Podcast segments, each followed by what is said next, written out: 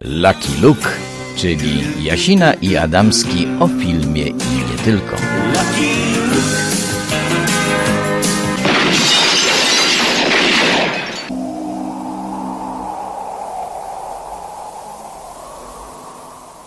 No, nasz sygnał przebrzmiał w audycji Lucky Luke. Witamy Państwa wspólnie. Łukasz Jasina w studiu RDC w Warszawie. W studiu Radia Olsztyn w Olsztynie, na Warmii, e, Łukasz Adamski. Tak, w Armii, a nie na Mazurach, warto to podkreślać. Stary polski Olsztyn, miasto Kopernika, jak to Papcio Chmiel w komiksie kiedyś nam pokazał. Łukaszu, Ale słychać nas na Warmii i na Mazurach, więc tutaj możemy, możemy mówić również o Mazurach. Tak. od Ryków do Braniewa. Yy, całkiem duży szmat naszego kraju, ale cały nasz kraj nie jest, Łukaszu, w dobrej formie. I tu już troszeczkę musimy zejść z radości, która nas zawsze ogarnia, kiedy się słyszymy. Bo i w Polsce, i na całym świecie koronawirus się dalej szerzy i ma ogromny wpływ na to, co się dzieje również w branży filmowej. Trwa coś, o czym mówiliśmy w poprzednich audycjach, czyli w dalszym ciągu lockout kin i gigantyczny transfer tego, w jaki sposób ludzie oglądają filmy z tego tradycyjnego sposobu oglądania, który i tak zawsze miał pewne problemy, do oglądania wszystkiego poprzez platformy cyfrowe, telewizję i inne komunikacje. Tak, ja też, ja też tutaj zaznaczę, że my mm, e, no, dajemy takie świadectwo naszym czasom, bo e, może, może, możecie też, drodzy Państwo, słuchać nas e, na Spotify'u od, od tego tygodnia i jak w przyszłości ktoś gdzieś tam za rok, za dwa odpali naszą audycję na tym Spotify'u, no to to będzie bardzo ciekawe doświadczenie dla niego, jak mówimy o tym koronawirusie. Zobaczymy, jak ten koronawirus się skończy, czy jednak będzie to tylko i wyłącznie wspomnienie, taki, taki króciutki koszmarek, jaki nas nawiedził. Czy też coś, jednak co na stałe wprowadzi jednak pewne zmiany w naszym życiu, nie tylko filmowym, i kinocholicznym. E, do, dokładnie tak. No, przemysł filmowy na pewno będzie przebudowany zupełnie, już o tym rozmawialiśmy. Przemysł szczególnie polski, no bo przecież w ostatnich dniach e, e, nie dość, że coraz więcej filmowców wypowiadało się w różnych artykułach prasowych, w różnych wywiadach, e, mówili o tym, jak to naprawdę ucierpią, jak przez dwa lata gdzieś polski em, przemysł filmowy będzie wychodził e, z tego, już teraz z tego okresu, kiedy zamknięto nie tylko kina, ale produkcje są zamknięte, poza jedną, o której, poza dwoma w zasadzie. Dwoma i chyba wspomnimy te nazwiska, które moim zdaniem nie będą zapamiętane przesadnie dobrze w pamięci polskiego kina, bo to jest łamanie solidarności społecznej. Ja na przykład bardzo zachowanie Konrada Niewolskiego, cenionego reżysera oraz Patryka Wegi, którego cenimy trochę mniej, acz doceniamy jego znaczenie dla przemian pewnych w polskim kinie, y, uważam za tych, którzy zachowali się nieodpowiednio. Tak, oni obaj są outsiderami w polskim przemyśle filmowym. Zauważ, że Patryk Wega, on stworzył te swoje takie wegańskie kino zupełnie oddzielne, nie bierze pieniędzy Wegańskie, ale pełne mięsa. E, peł- pełne mięsa, e, właśnie specyfika wegi. Mm, e, Niewolski też, on powraca tą asymetrią, no to, to, to może być jego pierwszy film od czasu tej słynnej symetrii, którą to wypłynął w polskim kinie, ale wiesz, to, że oni to robią, ci dwaj reżyserzy, Niewolski w ogóle w bardzo brzydki sposób tam bluzgał w mediach społecznościowych, mówił o bezrobotnych aktorach zazdrosnych, Patryk Wega się nie wypowiada, natomiast tutaj problem mamy z ludźmi, którzy biorą też udział w tych produkcjach, bo to, że Patryk Wega pokazuje środkowy palec całemu przemysłowi filmowemu w Polsce, to nie jest nic nowego. On to robi od co najmniej 10-15 lat, na pewno od powrotu służbami specjalnymi, które zostały odrzucone na festiwalach wszelkich. On ten środkowy palec trzyma bardzo wysoko. Natomiast wiesz, no tam są aktorzy, którzy w tych filmach grają i to, to jest czołówka polskiego aktorstwa. I nie są to bez wątpienia ludzie, którzy robią, podejmują takie decyzje wyłącznie z uwagi na, na, na kwestie czysto ludzkie, czyli y, honorarium i pracy.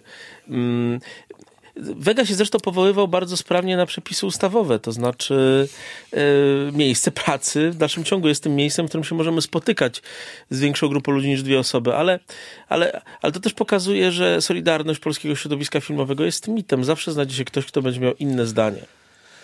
Tak, ale to jest też tak, że wiesz, Patryk, siła Patryka Wegi, ta komercyjna tkwiła w tym, że on trzaskał te filmy mm, e, no po prostu masowo. Ja pamiętam taką rozmowę Jeden do półtora filmu ki- na rok. Jeden do półtora Dokładnie. filmu Ja, na rok. ro- ja, ja kiedyś rozmawiałem z kiniarzem mm, e, tutaj, e, który, który posiada mm, kino studyjne w Wolsztynie i on mi mówił, słuchaj, ja na następne dwa lata mam już zaklepane miejsce na premierę filmów Patryka Wegi. Nie wiem, jakie to będą filmy. On jeszcze nie wie, jakie to będą filmy, ale już są wykupione miejsca, kiedy te filmy będą wchodzić. I teraz ten koronawirus, no zdemolował całą tą, cały ten plan Patryka Wegi, a to jest w głównej mierze biznesmen. Zauważ, co ostatnio było, kiedy on zaczął promować swój film Bad Boy, film, który się najgorzej sprzedał od czasu właśnie służb spe- specjalnych. Choć zdążył Łukaszu E, jeszcze przed koronawirusem, więc to jest Choć pewien dowód przed na to, że Patryk Wega pewien kryzys przebywa, przeżywa twórczy i jego filmy dla nas, dla widzów, niezależnie od tego, czy koronawirus do Europy dotarł, czy też nie.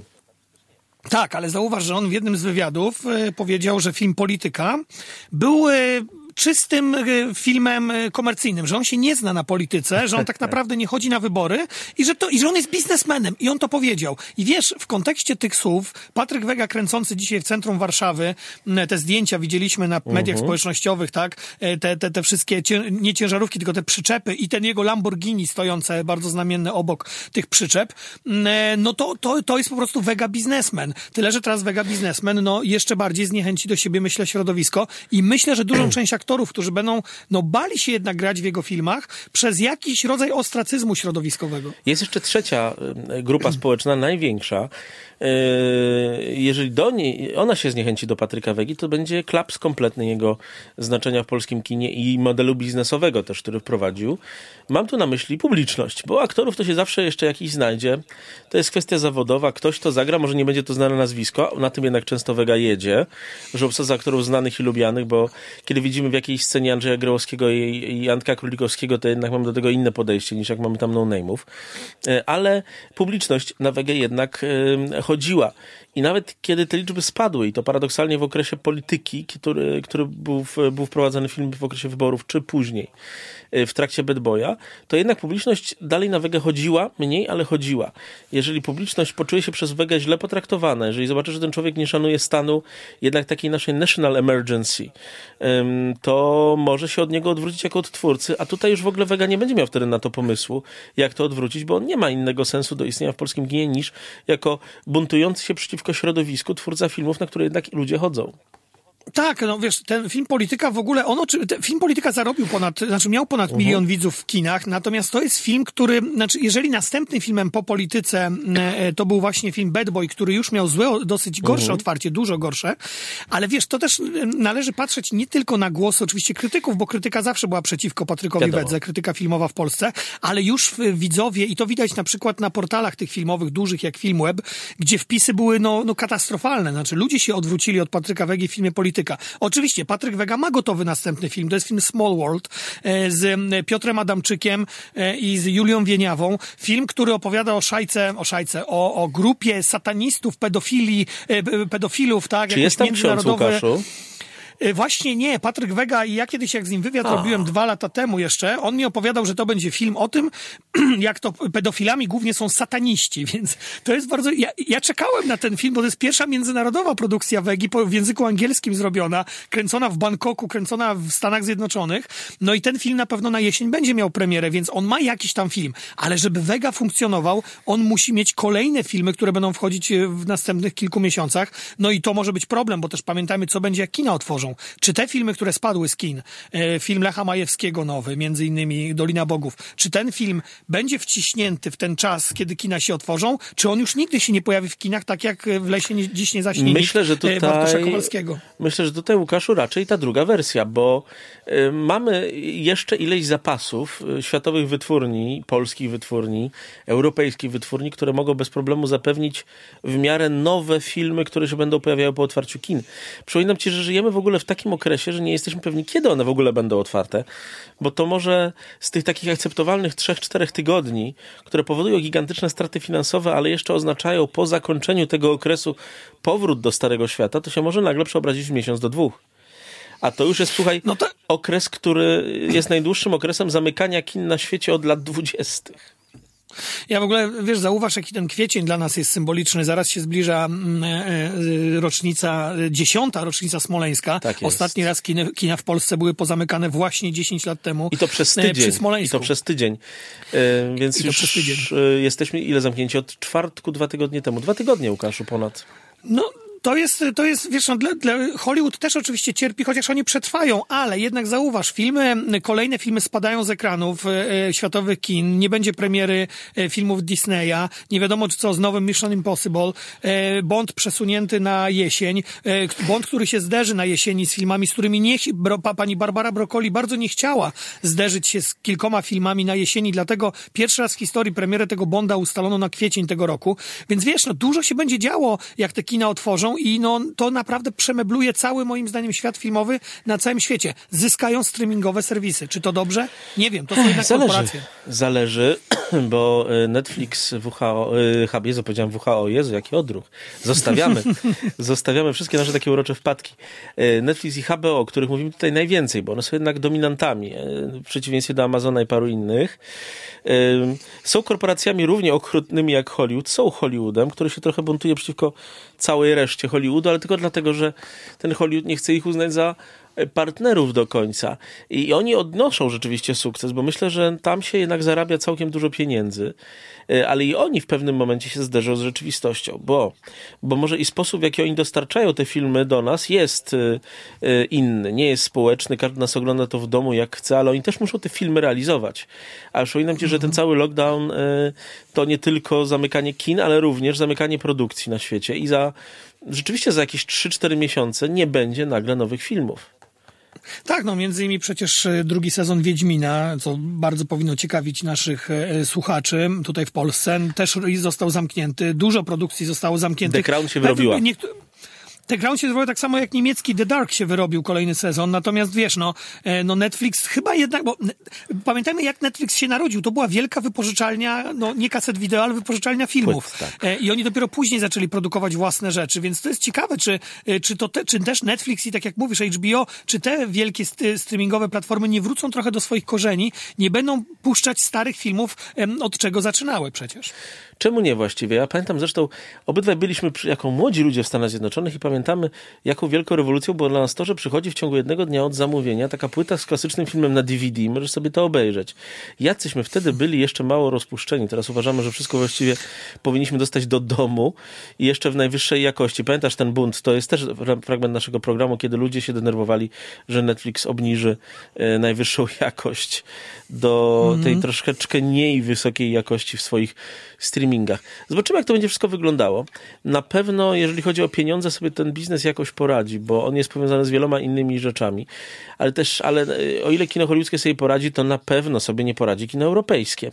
Kino europejskie, które ma ogromny wkład państwowo-publiczny zazwyczaj, a na czym państwa jednak najpierw zaczynają cięcia budżetowe po kryzysie? Na sztuce. Tak, i wiesz, ale jest też jeszcze kolejny aspekt tego, bo mm, zapominamy o tym, że, mm, że to, że wirus krąży i że wielu ludzi będzie zarażonych, większość przejdzie tą chorobę na szczęście łagodnie, to jest jedno. Ale dużo gorsze będzie wirus, który dotknie gospodarkę Oj, i tak. załamanie się światowych rynków będzie kolosalne. I też ja myślę, wiesz, że w momencie, kiedy mm, czy Polacy, czy Amerykanie w Stanach Zjednoczonych podobno już dwa miliony nowych osób się zarejestrowały jako bezrobotni w ostatnim czasie, no to jest katastrofa już teraz. E, wiesz, ci ludzie też będą rezygnować z, ze streamingu Netflixa czy HBO w pierwszej kolejności. Oczywiście. E, kiedy, kiedy im zajrzy jednak e, prawdziwy, prawdziwa recesja w oczy, zrezygnują z tych streamingów, więc oni też odczują to. Wszyscy to odczujemy. Nie było nigdy w historii nowożytności chyba takiej sytuacji, no bo nigdy nie było globalnej gospodarki wcześniej, że wszyscy naraz będziemy czuć no, skutki kilku tygodni zamkniętych sklepów. To jest niesamowite w tym wszystkim. Tak, myślę, że wielu ludzi odczuje radość spowodowaną posiadaniem własnego szczypiorku czy pomidorów z własnej działki. Ale jeżeli chodzi o kino, to jest, proszę Państwa, tragedia gorsza niż w okresie II wojny światowej. Na przykład w Polsce kina, wbrew panującym naszym mitycznym, bohaterskim e, opisom, działały cały czas przez okres II wojny światowej i były jedną z pierwszych wznawianych rzeczy w roku 45, więc relatywnie, nie licząc oczywiście Warszawy, która była zniszczona przez kilka miesięcy, nic się w niej nie działo e, w tym aspekcie, w Polsce to trwało, w Niemczech trwało, w Stanach Zjednoczonych kino wtedy zarobiło i, i stało się właściwie jedną z najważniejszych rzeczy, a pod wpływem II wojny światowej e, Hollywood uzyskał władzę globalną. Teraz ją straci.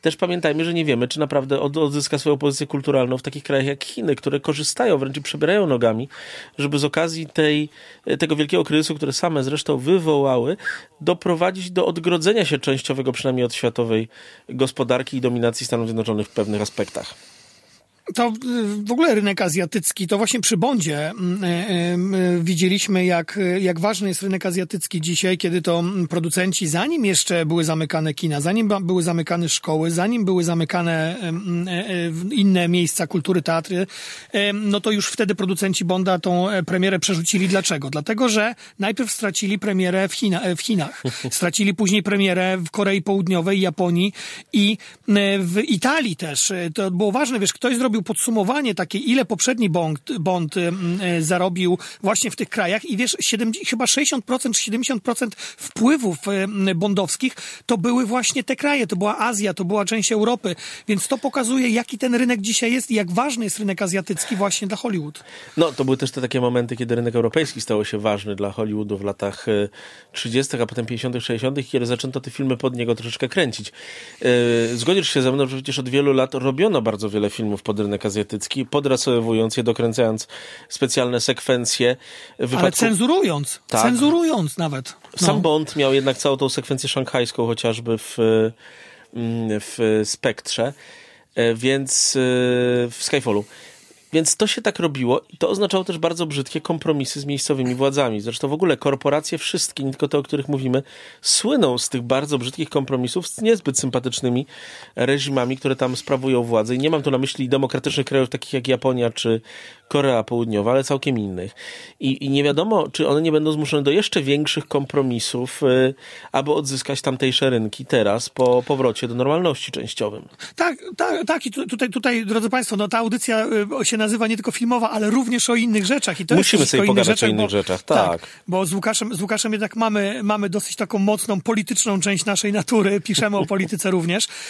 Zauważ, że, że doszliśmy też do takiego momentu, i to już było przed koronawirusem, mm, że Hollywood i te wszystkie środowiska liberalne, które potrafią krytykować na przykład takie kraje jak Polska za jakieś łamanie praworządności, za e, łamanie wolności słowa, nie mają problemu z łamaniem czystym wolności słowa, jeżeli chodzi o Chiny. Oni cenzurują swoje filmy, wycinając sekwencje nawiązujące do homoseksualizmu, wycinając sekwencje nawiązujące do krytyki, powiedzmy, komunizmu. No przecież te filmy są cenzurowane. Na rynek chiński idą zupełnie inne filmy. I co? I wtedy liberałowie mówią, no okej, okay, no zrobimy to, bo po prostu musimy zarobić. To też pokazuje, w jaki sposób ten Z nich są tacy liberałowie, jest. Łukaszu, tak. jak ze mnie baletnica, a z ciebie tancerka erotyczna. bo tak, tak. E, przy, porządny biznesmen przyjmuje zazwyczaj te poglądy polityczne, które mu się aktualnie bardziej opłacają, więc kiedy niewolnictwo było w cenie, to miało niewolników, kiedy się prześladowało Żydów, to prześladowało Żydów, a kiedy e, świat powinien zabłysnąć w barwach tęczy, to zaczyna myśleć w barwach tęczy, klasyczna hipokryzja. Mm. E, e, mówię tak o człowiek nieco bardziej tęczowy niż ty. Ale dokończając ten temat, bo za chwilkę damy Państwu słuszną przerwę od, od naszej politycznej gadki, to naprawdę nie zapowiada się różowo. Ja jestem jednak z zasady optymistą, ale ciężko jest mi wynaleźć jakieś pozytywne aspekty mimo wszystko, jakie mogą z tej, z tej przemiany, która w tej chwili wychodzi dla światowego systemu filmowego odnaleźć. Mm, dla filmowego nie, no to wiesz, jak, jak, jeżeli jakieś pozytywne aspekty mm, się pojawią, no to może w kwestii podejścia do komercjalizacji, w, w, w kwestii podejścia do własnej duchowości, tak, no jeżeli w te rejony byśmy szli, bardziej religijne, to oczywiście może mieć swoje pozytywne aspekty, może nie.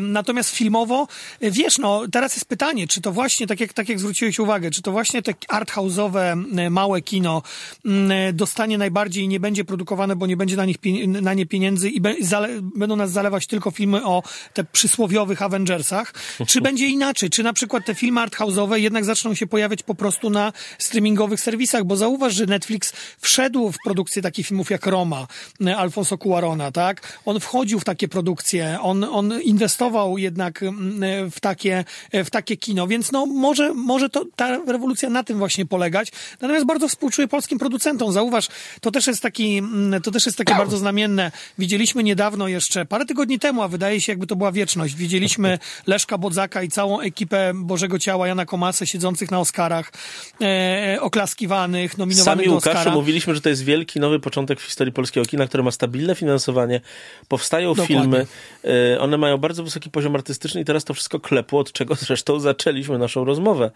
Bo jednak polskie Dokładnie kino, tak. Łukaszu, przy całej naszej miłości do światowej popkultury, siedzi w naszych sercach najmocniej. I Łukaszu, ponieważ na, nasze stacje radiowe prowadzą słuszną politykę wspierania polskich artystów, troszeczkę będziemy teraz Państwu ilustrowali to czasem łączącą się z naszymi e, rozmowami, a czasem tak lekko się łączącą tematyką muzyki filmowej naszej.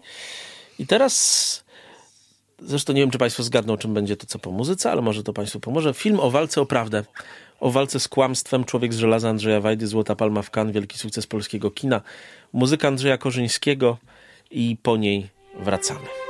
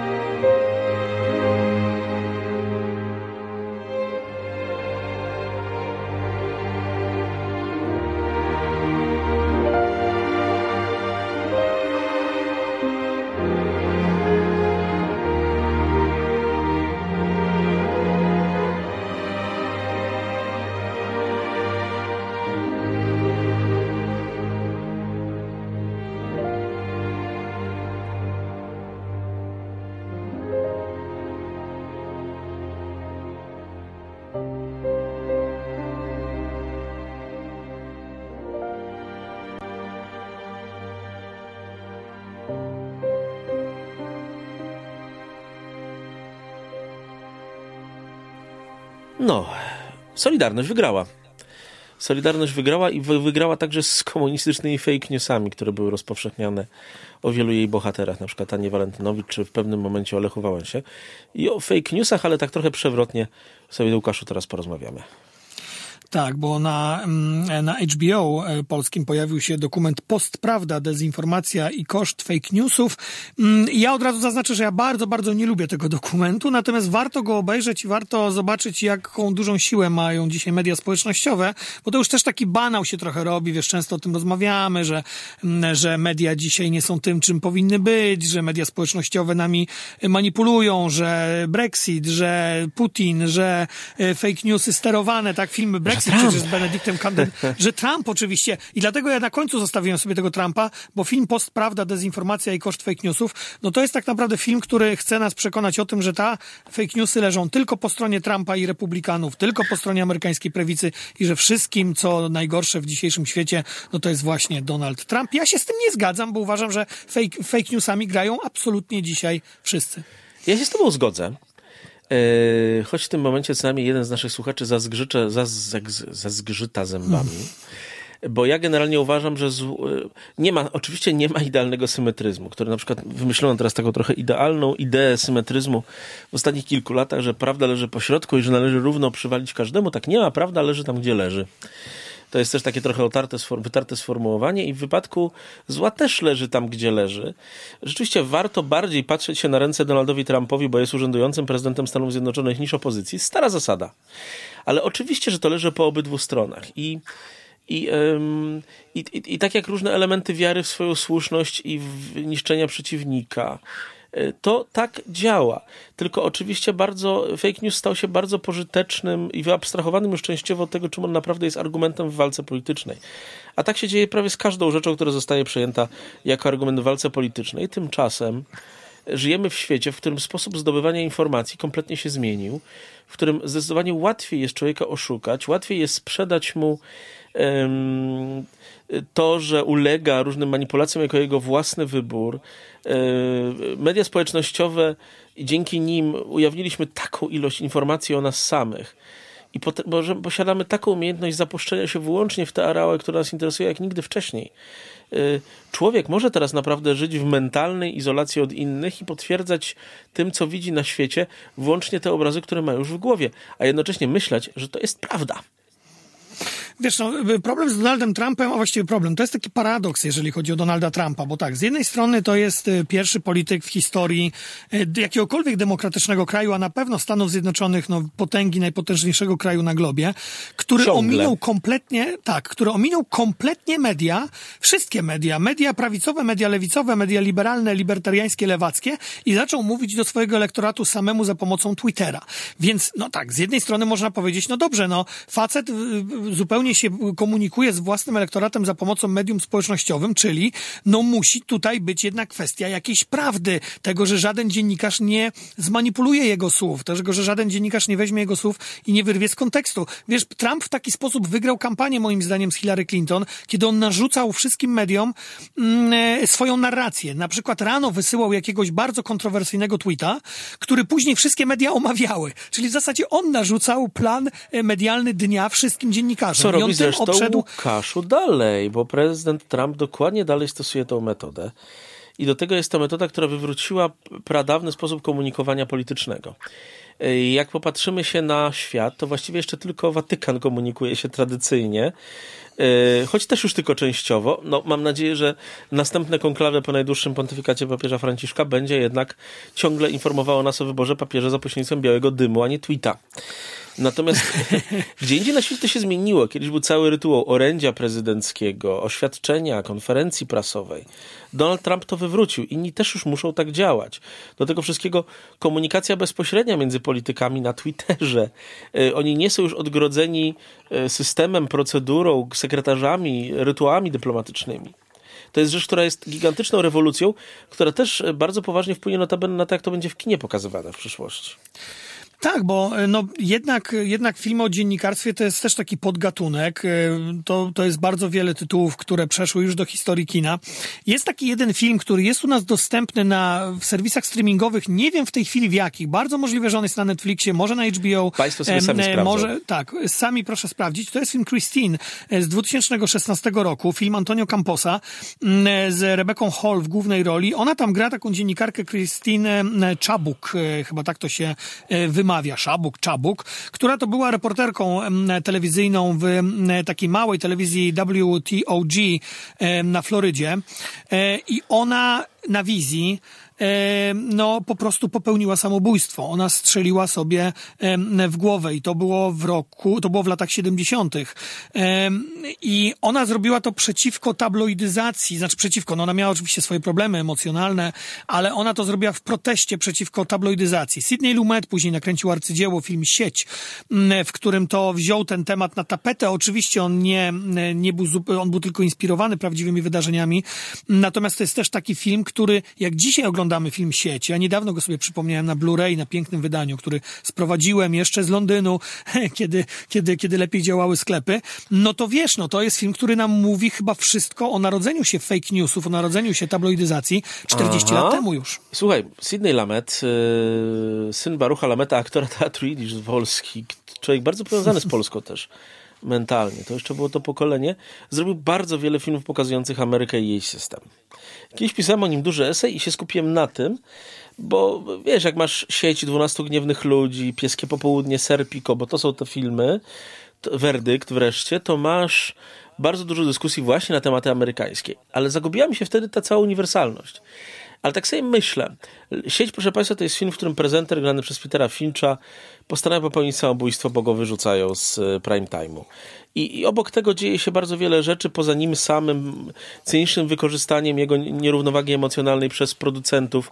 Jest też historia producenta, którego grał William Holden. Faye Dunaway gra genialnie. Film do obejrzenia ale jest to film, który rzeczywiście pokazuje tabloidyzację, manipulację w mediach, to jak one nas wykorzystują, to jak one sprzedają dobro jako zło i na odwrót.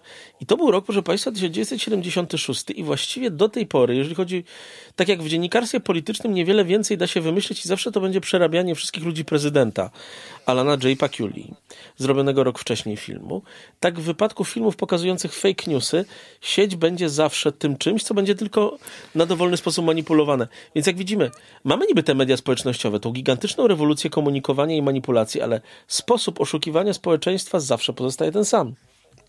Wiesz, jest też taka chęć powrotu jednak do tego świata dziennikarskiego i to widać było w filmie The Post e, e, Stevena Spielberga, który zauważ, on, to był film sprzed dwóch lat, tak Tom jest. Hanks, tak, tutaj pozdrawiamy, bo wciąż, e, no już na szczęście wyszedł ze szpitala też koronawirusem za, zarażony, Tom Hanks, Meryl Streep, ale to był taki film, zauważ, który to pokazywał, że Steven Spielberg zamienił się w takiego starego, liberalnego Bajarza. rabina, Bajarza. rabina, który po prostu tak, który siedzi i mówi wam, słuchajcie, no kiedyś świat był taki, dziennikarstwo było takie, jak za czasów właśnie filmu Wszyscy ludzie prezydenta, a dziennikarze walczyli o prawdę. Trochę Spotlight też to Oscarowy pokazywał, który opowiadał o skandalach pedofilskich w bostońskim e, kościele, e, ale to był też film, który już zauważ w Spotlight fantastycznie widzieliśmy, jak, mm, jak zderzyła się, jak zderzyła się e, właśnie ta epoka mediów jeszcze tych papierowych, tradycyjnych z portalami internetowymi. Tam jest taka scena, kiedy to obok redakcji The Boston Globe wisi reklama America Online, AOL, kiedy to, e, media, kiedy to internet zaczął wchodzić, bo spójrz, no, dzisiaj takie śledztwo dziennikarskie, jak Boston Globe przeprowadziło właśnie w sprawie pedofilii w Bostonie, ono by nie miało racji bytu dzisiaj, bo nikt nie zapłaci dziennikarzowi, żeby pracował przez rok nad jakimś jednym materiałem, bo dużo lepiej sprzeda się na czołówce jakiś e, skandal. Przepraszam Państwa, do tego jeszcze ten dziennikarz absolutnie nie będzie chciał czekać roku. Bo teraz pamiętaj, e, cała interakcja medialna polega na robieniu czegoś w 15-20 minut. Tematy umierały jeszcze szybciej niż kiedyś. One też umierały i w latach 70. jest taki genialny komedia Billego Wildera, pokazująca też retromedia z lat 20. pod tytułem Strona tytułowa z Jackiem Lomonem i Wolterem Mattem, która już pokazuje, że te tematy umierają po jednym dniu. No to teraz one czasami umierają po dwóch tweetach i to jest tak przerażające, że media zaczyna, rzeczywiście zaczynają tracić wartość informacyjną. Taki dziennikarz młody, gdyby teraz zaczął robić śledztwo w sprawie pedofilii, dajmy na to w archidiecezji bostońskiej, to nie wytrzymałby, bo o tym tweetnął tak po godzinie, a po pięciu godzinach by to już umieścił gdzieś w jakichś mediach społecznościowych, a temat by się wyczerpał po trzech dniach. I to jest Tak, też ta i gigantyczna wiesz, różnica. Wiesz, to jest też tak, jak oglądasz jeszcze kino lat 80., czy na przykład Pola Śmierci, Joffé, czy Salvador, moim Mhm. zdaniem jeden z najlepszych filmów Olivera Stone'a. On pokazuje też, czym było kiedyś, e, e, kim byli fotoreporterzy. To też dzisiaj bardzo ginie przez to, że każdy ze swojego telefonu komórkowego robi zdjęcie, wrzuca na Twittera, Snapchata, na Instagrama i, i, i nawet ten zawód umiera. Ale nie wiem, czy zauważyłeś, e, jest taki serial na Netflixie, niedługo będzie miał swój drugi sezon, będziemy go omawiać, mam nadzieję, w kwietniu.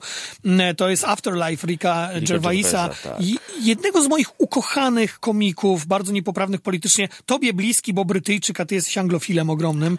Mm, Do tego mam podobne poczucie humoru, ale nie zawsze z uwagi na takie, a nie inne życie zawodowe mogę je wyrażać. Tak, i on w jednym z, odcin- tak, i on w jednym z odcinków, e, bardzo zachęcam Państwa, żebyście przypomnieli sobie albo obejrzeli, jeżeli nie widzieliście tego serialu. On w jednym z odcinków, on tam gra takiego e, e, cierpiącego z powodu śmierci żony na raka e, faceta, który mieszka tylko z psem w małym brytyjskim miasteczku, jest dziennikarzem lokalnej gazety. Lokalnej gazety. I przychodzi do tej lokalnej gazety, to jest darmowa gazetka, e, przychodzi do tej lokalnej gazety dziewczyna, która e, ma taką głowę nało- naładowaną ideałami, ona chce być dziennikarką i naczelny tej gazety mówi, już niedługo będziesz tutaj dziennikarką, będziesz pracowała nad ważnymi tematami, a on do niej mówi, nie będziesz żadną dziennikarką, bo kiedy zaczniesz pisać, to mediów już nie będzie, bo wszystko będzie stabloidyzowane i będzie przeznaczone dla kretynów, którzy siedzą na I Twitterze, w zobacz. mediach społecznościowych. Zobacz, Łukaszu. Problem nie jest nawet to, czy się zmienia forma mediów. Czy upadną nam gazety, czy przetrwa radio, bo mówiono na przykład, że nie będzie gazet, czy radia, dalej są. Ale mm, upadek e, sposobu, w jaki te media są redagowane. I to jest upadek e, bardzo równoległy i w gazetach, i w e, stacjach radiowych wielu, informacyjnych zwłaszcza, i w e, stacjach telewizyjnych. Tabloidyzacja, e, też mocne zwarcie się z internetem, bo na przykład one nie potrafią funkcjonować bez komentowania mediów społecznościowych i bez wzajemnego napędzania się tymi cytatami, chociażby z Donalda Trumpa. I tu znowu robimy powoli klamerkę, bo będziemy mieli jeszcze kolejne tematy, ale Donald Trump nam wraca. Trendsetter od wielu, wielu lat i to trendsetter w rynku hot properties, trendsetter w rynku mediów lat 80., w tradycyjnym kinie, gdzie się pojawiał, trendsetter potem w okresie reality show i trendsetter w okresie mediów społecznościowych, może i trendsetter w okresie zmiany. Tak, ale wiesz, ja też już też na sam koniec tutaj Mhm. tego tematu, no chciałbym jednak zaznaczyć i może trochę Rickiem Gervaisem pojadę i tym jego cynizmem. Wiesz co, chyba to dziennikarstwo jednak było przez kino mitologizowane zawsze, bo kiedy przypomnisz sobie dwa filmy o Trumanie Capote, no skupmy się choćby na tym filmie Capote, Co jeden to gorszy. Seymour Hoffman, tak, za, chociaż ja, ja, ja, ja, tego, ja ten drugi y, lubię bardziej, natomiast tutaj, gdzie Truman Capote ym, został zagrany przez Philipa Seymoura Hoffmana, dostał Oscara za tą rolę, ym, ten film pokazywał już, jak to ten, e, ten reporter, który miał, który zmienił też dziennikarstwo, który ten non-fiction wprowadził jednak mm, na inne tory, on również manipulował, on również ściemniał, on również podkręcał, więc może y, tak naprawdę no nigdy dziennikarstwa nie było takiego czystego, jak my byśmy chcieli, jakby chciał Steven Spielberg w filmie The Post albo Pakula w filmie Wszyscy ludzie prezydenta. No bo w ogóle świat nie był nigdy taki idealnie czysty, tylko czasami jak się trochę postarzejemy, e, to, to zaczynamy idealizować coś, co było 20-30 lat temu. Wiesz, Łukaszu, że to oznacza, że możemy na przykład za 30 lat, jak siądziemy jako tych dwóch starych tetryków, gdzieś będziemy idealizowali rok 2020, kiedy była taka fajna epidemia i ludzie tak razem, wiesz. No, no nie rozśmieszajmy się dalej. Proszę Państwa, e, pogadamy sobie teraz o klasach społecznych, a nie ma lepszego, proszę Państwa, e, polskiego filmu pokazującego awans społeczny niż daleko od szosy. Bałem się, że mnie gdzieś daleko odnoszę, bo to jest taki serial nawiązujący do tego. I teraz... Freud, kolejny raz Freud. no cóż, ulegamy, kolego, ulegamy. I teraz, proszę Państwa, kawałek z muzyki filmowej mm, z filmu Daleko od szosy. No,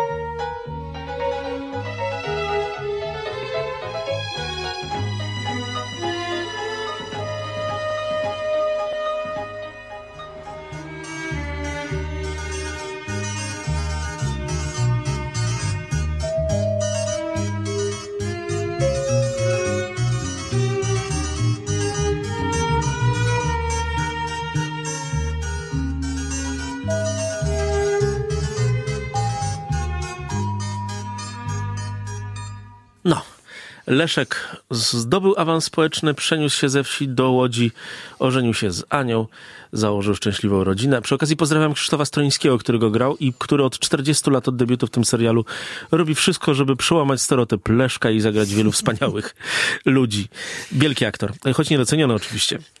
I tutaj, tutaj to taką klamerkę zrobimy z Patrykiem Wegą, bo on stworzył wspaniałą rolę w jego Pitbullu w serialu, Tak który jeszcze TVP produkował. No to jest jedna z najwybitniejszych ról mm, i takich postaci mm, policjanta w polskim kinie. Naprawdę mm, no, wspaniała rzecz. No, ale gadamy jednak trochę o czym innym, Łukaszu. O klasach, klasizmie, o odczuwaniu wyższości. O czymś, co Mhm. bardzo mocno wylazło teraz. Yy, wyłazi od paru lat w wielu miejscach. Yy, W Polsce i w Stanach Zjednoczonych na przykład yy, jako pogarda dla dołów. Ale wyłazi teraz też bardzo mocno w okresie yy, tej naszej epidemicznej tragedii. Tak, i teraz jest pytanie mm, e, fundamentalne. Czy kino przez ostatnie lata, przez ostatnią dekadę, skupmy się na ostatniej dekadzie, czy kino Mhm. przygotowywało nas na to, że będziemy mieli wojnę klasową, która moim zdaniem może być spowodowana tym kryzysem, Absolutnie e, który nie. wywoła koronawirus? Absolutnie Absolutnie nie. A to jest ciekawe. To ja ci wymienię kilka tytułów, nie tylko z ostatniego roku, czyli Okej. Parasite, to my, Jordana Pila, Hater, Jana Komasy, ale zauważ, ostatnie 10 lat i filmy blockbusterowe, Igrzyska Śmierci, Noc Oczyszczenia, Elysium, Snowpiercer, to jest kilka tytułów mówiące o wojnie klasowej. Oczywiście jeszcze za chwileczkę oddaję ci głos, ale powiedzmy dlaczego mówimy o wojnie klasowej, bo na Netflixie pojawił się hiszpański film Platforma, to jest horror, mm, który jest bardzo znamienny, bardzo taki zdumiewający pod jednym względem. To jest czysto marksistowskie kino, czyściutki marksizm, e, który to Hiszpanie nam pokazują w horrorze, mówiąc, takie jest nasze społeczeństwo. Ja się oczywiście troszeczkę podprowokowałem na początku, bo yy, owszem, mamy filmy pokazujące, że doły się zaczynają buntować, że nie jest im dobrze. I Parasite też nieprzypadkowo dostał swojego Oscara. To nie był gest wobec Azji Wschodniej, ale także pokazujący, że gdzieś tam się buntują. Roma była takim filmem. Są filmy poka- próbujące pokazać, że jest źle na dole. Czasem elity sobie z tym radzą, czasem nie. To nie są filmy pokazujące bunt w latach y, 50., gdzie jednak te elity się dogadywały, prawie jak u Fritza Langa z tymi dołami, ale bardziej tak jak ten okres końca lat 60., 70., kiedy widzieliśmy taką niemożność porozumienia. Ale z drugiej strony widać też coraz bardziej, jak bardzo różnimy się na świecie w spojrzeniu się na te wszystkie kryzysy. Spojrzenie azjatyckie, czyli Parasite, to nie jest żaden marksizm, to jest y, cyniczne, sarkastyczne spojrzenie mówiące, że zawsze były takie podziały, pokazujące y, głupotę ludzi na górze, niedocenienie ludzi na dole. W Stanach Zjednoczonych to jeszcze na razie Hollywood nam średnio na to reaguje, ym, ale różnie. Natomiast co do kina marksistowskiego, bardzo słusznie powiedziałeś i zdefiniowałeś ten film. Jest to film pokazujący, że zgodnie z kryteriami określonymi przez bardzo wybitnego filozofa i ekonomista, jakim był Karol Marx, można pewne problemy rozwiązać. Ale to tylko dowodzi tego, w jaki sposób patrzy się na świat elita i intelektualno-artystyczna państwa pod nazwą Królestwo Hiszpanii. Mhm, tak, i tutaj y, pokrótce, pokrótce powiedzmy naszym słuchaczom, to jest film o tym, jak y, grupa więźniów jest zamknięta w takim budynku, w takim To jest wieżowcu. bardzo dziwne więzienie, bo tam są też różnice piętrowe pomiędzy tym, jak na przykład jak dostajesz jedzenie, nie jedzenie. No. Tak, y, Metafora. to oczywiście cała ta metafora wieżowca, no mieliśmy w takim filmie mm, y, High Rise, nie wiem czy pamiętasz, y, który to już był taką metaforą właśnie tej walki klasowej. No i tam ci więźniowie siedzą na 200 ponad piętrach, po dwóch w celi. W środku każdej celi jest wielka dziura i tamtędy zjeżdża platforma z jedzeniem. Ci, co są na górze, zjedzą smakołyki, a film zaczyna się od takiej sceny jak, jak z wielkiego żarcia, takiej sceny, którą można porównać, nie wiem, do Jedzenie jest z kuchni, twarzy. tak.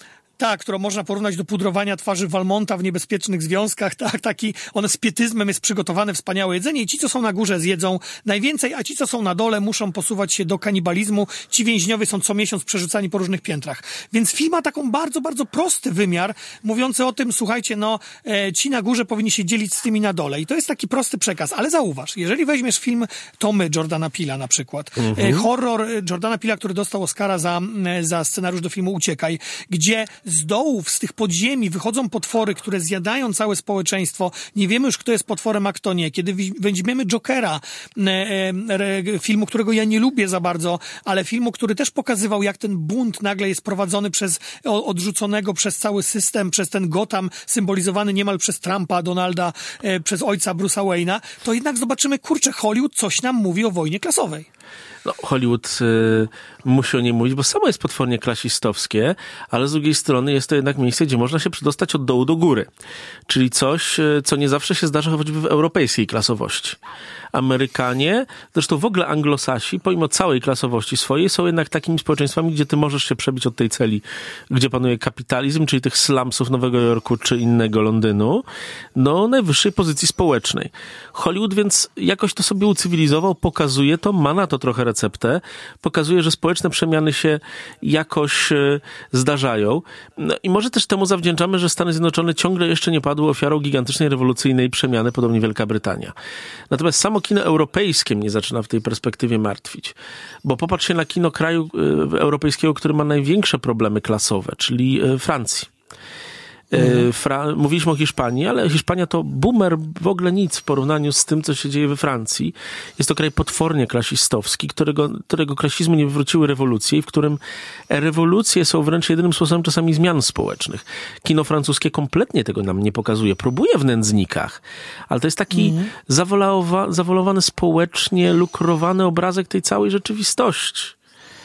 No. Tak, i to, też, i, to też, i to też nam się tutaj e, gdzieś zazębia, bo Nędznicy to jest też film, który, który był nominowany do Oscara przeciwko właśnie Parasite, który mówił o klasizmie, przeciwko Bożemu Ciału Polskiemu.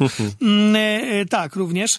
Ale wiesz, Francuzi, Francuzi zawsze podchodzą w jakiś taki swój sposób naznaczony w ogóle takim spojrzeniem bardziej jednak socjalnym. No to Francuzi jednak w, w żółtych kamizelkach wychodzą i nawet przy koronawirusie, kiedy już ten wybuchła ta jeszcze pandemia, pandemia może nie wybuchła, ale kiedy już było groźnie na ulicach Paryża, oni i tak wychodzili i się buntowali.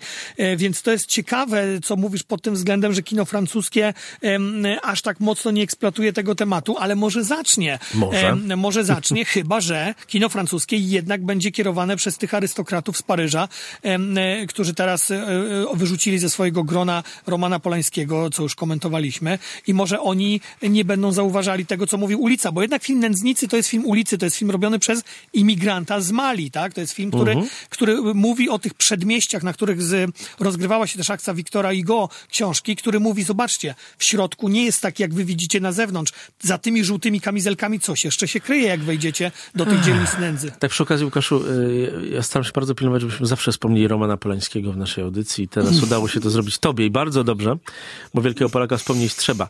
Ale podsumowując to z lekka, Francuzi to mają. Zdarzają się takie filmy w Niemczech, ale w Niemczech też nie ma kina.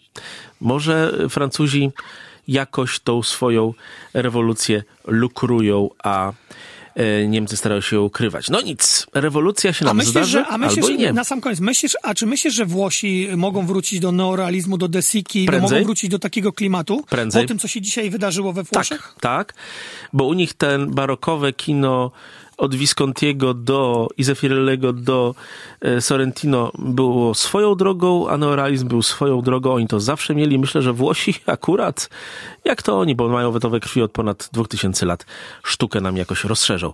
Proszę Państwa, za mało mamy czasu, ale na razie naszego programu rozszerzyć się nie da. Wiecie, to nie jest bezpiecznie do końca grać dwie lub trzy godziny.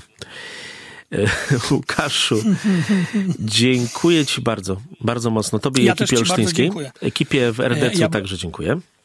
Tak, dziękujemy Warszawie, w Olsztynowi i mam nadzieję, że, że już niedługo będziemy mówić o kinie, o kinie, a nie tylko o VOD i życzmy sobie Oby. tego.